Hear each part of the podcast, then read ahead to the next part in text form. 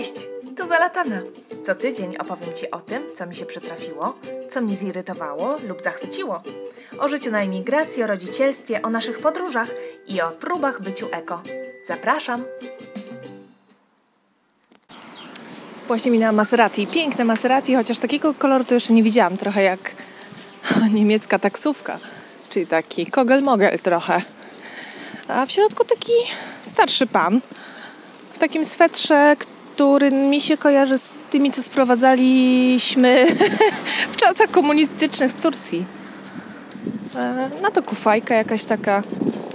I tak sobie siedzi, okno otwarte, pali fajkę.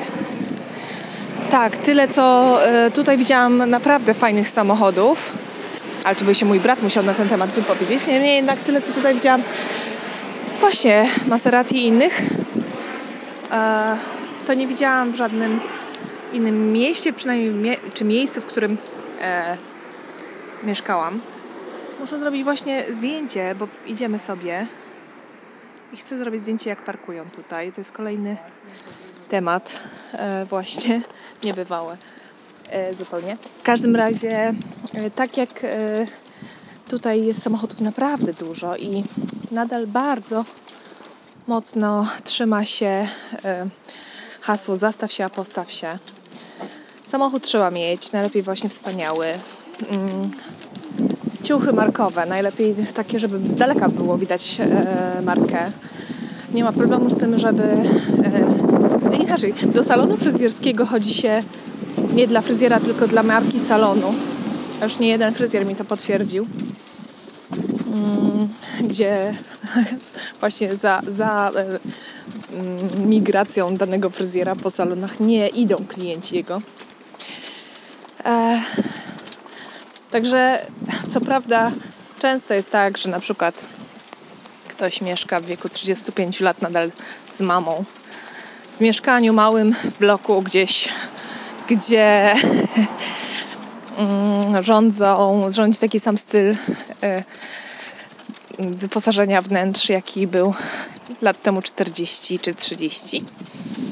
Ale samochód jest, bo trzeba pokazać. Najczęściej kupiony na spółkę ze szwagrem.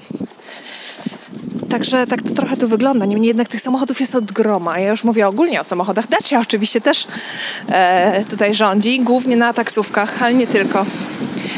Samochodów jest tak dużo, że mm, nie wiem, czy zawierzać, no ale chyba tak, tym statystykom, jak, które, które ostatnio tu zobaczyłam, że Bukareszt jest najbardziej w Europie e, zatkanym miastem, a na świecie chyba zaraz drugi po Meksyku. W każdym razie muszę zobaczyć jeszcze raz te statystyki i sobie przypomnieć. Niunia, wszystko ok? Ok. Chcesz się napić? Dobra. I to jest jedna sprawa, że ja się samochodem już tutaj po prostu nie ruszam. W godzinach e, od dziewiątej o dziewiątej jest dramat, gdy ludzie wszyscy idą, jadą do pracy, bo oczywiście z pospólstwem metrem nie będą jeździć. Nawet kiedy to trwa 40 minut, a zamiast 15 metrem to pojadą samochodem. Później jest takie okienko, gdzie czasami jedziemy z Sorają na przykład do Lidla, to jest między 10 a 12, 13 to max. A później znowu trzeba się schować, bo zaczyna się znowu rush hour. Niunia, nie, nie idziesz spać, kochanie. Teraz idziemy do domku. No, może... Chcesz iść na plac zabaw jeszcze? Hmm. No to moment. Jak, jak na plac zabaw? Znowu te dygresje, te dygresje. Jak na plac zabaw, kotek? Może pójdziemy już do domku? Chcesz jeszcze się bawić? No więc e, zakorkowane miasto jest straszne i to nie znaczy, że, się jedzie powoli, tylko się stoi. Kiedyś przez centrum, przez które przejeżdżałam z jednego miejsca, z jednego miejsca na drugie w, w centrum mm, miasta. Ojej. E, zamiast normalnych 20 minut kotek. Moment. Wszystko pospadało, bo mi dziecko budkę zamknęło od e, Tuska. E, na której oczywiście miałam różne rzeczy poukładane. E, zamiast jechać 20 minut, jechałam ponad 2 godziny. To był po prostu jakiś kompletny dramat. Więc już się naprawdę nie wy... Nie, bardzo zniechęciłam się do jazdy samochodem. W Bukareszcie się nie ruszam, jeśli nie muszę. Chyba, że weekendy nocami, bądź właśnie poza godzinami szczytu, które są prawie, prawie cały dzień. Poza tym jeździ się tutaj po prostu w sposób dramatyczny. Mm. A z drugiej strony myślę sobie, że bardzo prosty. Bo tak naprawdę to zakazy, nakazy są, ale jakoś tak nikt ich specjalnie nie respektuje. Mm. Tak naprawdę liczy się to, co masz z przodu. E, nadal nie do końca zrozumiałam, o, znaczy chyba nie ma reguły, jeśli chodzi o zjeżdżanie z ronda, bo można zarówno ze środkowego pasa, jak i z zewnętrznego zjechać. Zewnętrznym można też skręcać dalej w lewo. Jest taka reguła, żeby, żeby raczej nie jeździć prawym pasem, dlatego że jest on najczęściej zajęty przez auta parkujące. E, tak, na ulicy. Nie ma znaczenia, że właśnie widać gołym okiem na odległość e, zakaz zatrzymywania się i postoju, a raczej trzy takie zakazy. Po prostu wszystko tak stoi. A muszę zrobić kolejne zdjęcie, bo po prostu wiszą kable i tak nisko, że to jest niewiarygodne. To jest na kolejny post. Ja, ja nie wiem, tutaj co widzę, że co yy, spacer to ja będę, będę nagrywać. Będę miała pomysły na kolejne posty normalnie, niesamowite. Tak więc e, jeździ się dramatycznie, a z drugiej strony właśnie bardzo mi to odpowiada, dlatego że e, tak naprawdę stresować się człowiek e, nie musi, no, jeśli na przykład chce skręcić gdzieś w lewo czy w prawo, po prostu tam skręca. Tu nie ma żadnego znaczenia, czy tam po środku właśnie przycinasz, rozumiesz, tory tramwajowe, czy dwupasmówkę. Nie ma tego absolutnie żadnego znaczenia.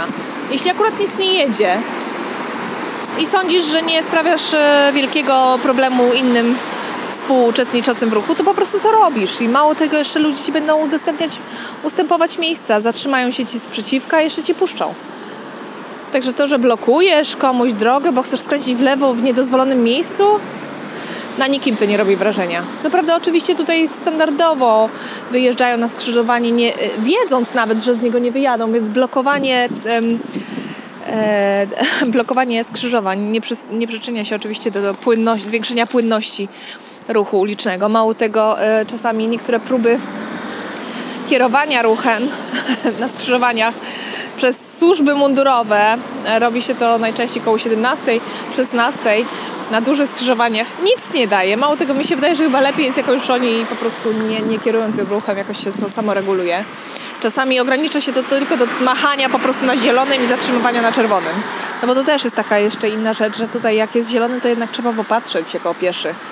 Czy aby na pewno można iść. Inaczej, czy na, pe- na pewno nic nie jedzie, bo tak są dziwnie na przykład w jednym takim, przy jednym rondzie ustawione światła, że no naprawdę wyjeżdżający z ronda, ja sama się na tym złapałam, że raz tak przyjechałam, nie zauważyłam w ogóle, że tam jest przejście i światła jakoś tak dziwnie jest to zrobione, że wyjeżdżając z ronda właśnie już jesteś na, wiesz, na wyjeździe, już dodajesz gazu, a tu się okazuje, że, że kurczę, są jeszcze przejście jest tam zrobione.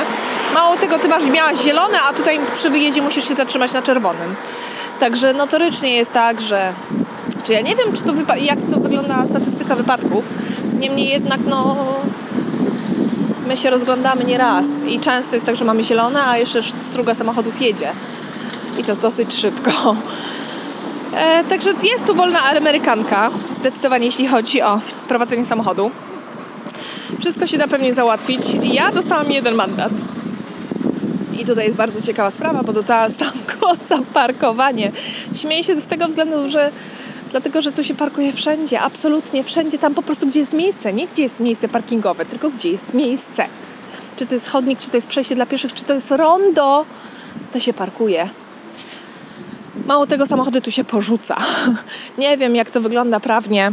Czy po prostu im się nie opłaca, nie wiem, sprzedać, zutylizować, zezłomować samochodów, ale bardzo dużo jest porzuconych samochodów stojących latami, zarastających bluszczem i innym kwieciem.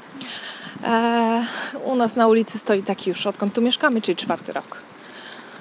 Mm, mało tego, kiedyś na grupie facebookowej, na której jest tej Polacy w Rumunii, e, pojawiło się właśnie pytanie jakiegoś chłopaka, mówi, że był świadkiem, że nie, że właśnie, aha, że tak, że była jakaś stłuczka u niego na ulicy i blokuje ten samochód, który tam został porzucony. Blokuje w ogóle wyjazd chyba z jakiejś posesji, w ogóle jakaś taka dziwna sytuacja i komentarz jeden zapamiętałam z wielu, który oczywiście mówił, daj spokój chłopie, to norma, znajdź sobie inne wyjście, bo nic nie wskurasz. E, jeden z takich odpowiedzi była, jedna z takich odpowiedzi była, że koleś wstawił nawet zdjęcie. Pokazał zdjęcie samochodu, który spłonął na ulicy. W nocy był jakiś wypadek, coś. Spłonął. I cały taki wrak stoi tam. Koleś mówi, że już trzeci rok.